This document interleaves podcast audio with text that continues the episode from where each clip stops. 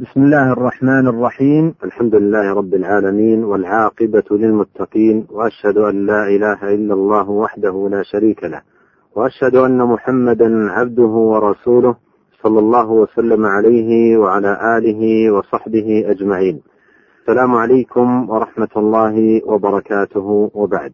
معاشر المستمعين من أسماء الله الحسنى الهادي وقد ذكر الله هذا الاسم في موضعين من القرآن الكريم وهما قوله سبحانه وإن الله لهادي الذين آمنوا إلى صراط مستقيم وقوله وكفى بربك هاديا ونصيرا. والهادي هو الذي يهدي عباده ويرشدهم ويدلهم إلى ما فيه سعادتهم في دنياهم وأخراهم وهو الذي بهدايته اهتدى أهل ولايته إلى طاعته ورضاه. وهو الذي بهدايته اهتدى الحيوان لما يصلحه واتقى ما يضره. فالله هو الذي خلق المخلوقات وهداها. الذي خلق فسوى والذي قدر فهدى. فهداها الهداية العامة لمصالحها وجعلها مهيئة لما خلقت له. وهدى هداية البيان.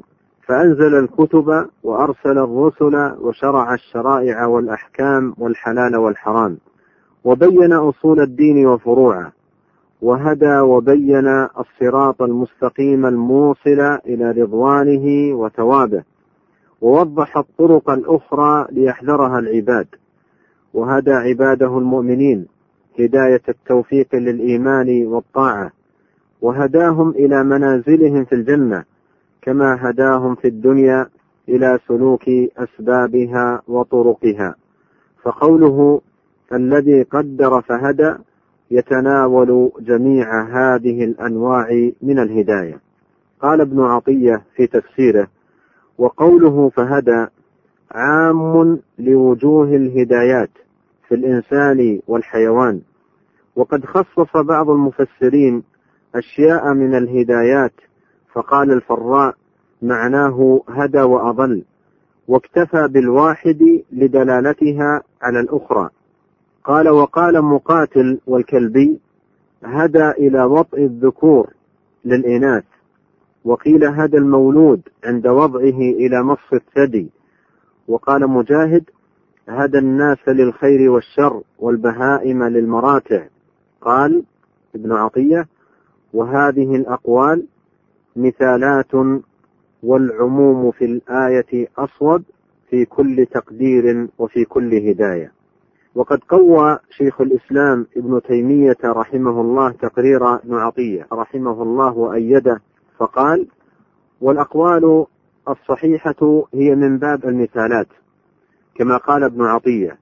وهكذا كثير من تفسير السلف يذكرون من النوع مثالا لينبهوا به على غيره أو لحاجة المستمع إلى معرفته أو لكونه هو الذي يعرفه.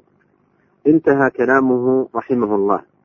وها هنا معاشر المستمعين وقفة لبيان الهداية المضافة إلى الرب سبحانه ويتناولها اسمه جل وعلا الهادي. اولا الهداية العامة. وهي هداية كل نفس إلى مصالح معاشها وما يقيمها وهي هداية شاملة للحيوان كله ناطقه وبهيمه طيره ودوابه فصيحه وأعجمه ومن ذلكم هدايته سبحانه الحيوان البهيم إلى التقام الثدي عند خروجه من بطن أمه. وإلى معرفته بأمه دون غيرها حتى يتبعها أين ذهبت.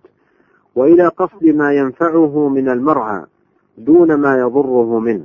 ومن ذلكم هداية الطير والوحوش والدواب إلى الأفعال العجيبة التي يعجز عنها الإنسان كهداية النحل إلى سلوك السبل التي فيها مراعيها على تباينها ثم عودها من مسافة بعيدة إلى بيوتها من الشجر والجبال وما يعرش بنو آدم.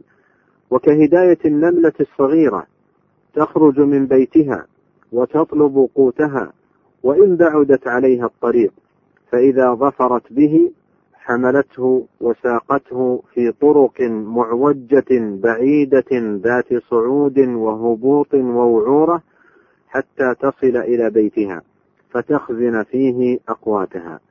وهذا باب واسع ويكفي فيه قول الله سبحانه وما من دابة في الأرض ولا طائر يطير بجناحيه إلا أمم أمثالكم ما فرطنا في الكتاب من شيء.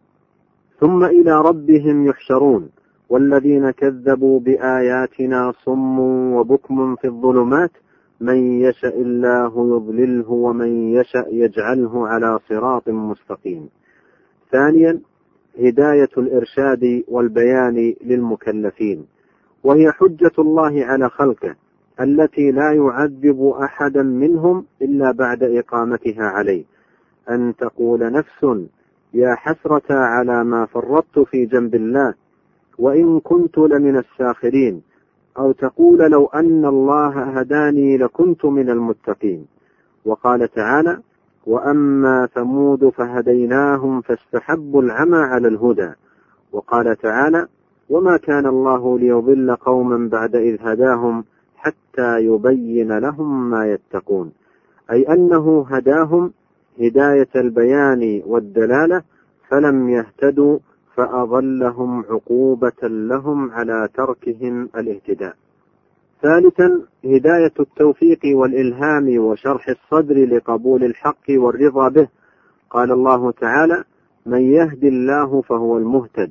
وقال تعالى: أفمن زين له سوء عمله فرآه حسنا فإن الله يضل من يشاء ويهدي من يشاء فلا تذهب نفسك عليهم حسرات وقال تعالى ليس عليك هداهم ولكن الله يهدي من يشاء. وقال تعالى ولو شئنا لآتينا كل نفس هداها. وقال تعالى يهدي به الله من اتبع رضوانه سبل السلام ويخرجهم من الظلمات إلى النور بإذنه ويهديهم إلى صراط مستقيم. ولذا أمر سبحانه عباده كلهم أن يسألوه هدايتهم. هدايتهم الصراط المستقيم كل يوم وليلة في الصلوات الخمس.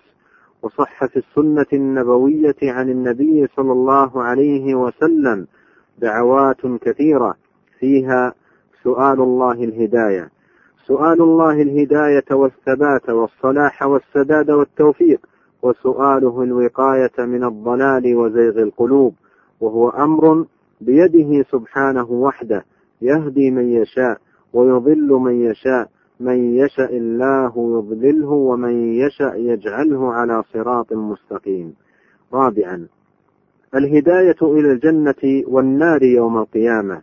أما الهداية إلى الجنة فقد أخبر الله عز وجل عن أهلها أنهم يقولون حين تتم عليهم النعمة بدخولها الحمد لله الذي هدانا لهذا وما كنا لنهتدي لولا أن هدانا الله.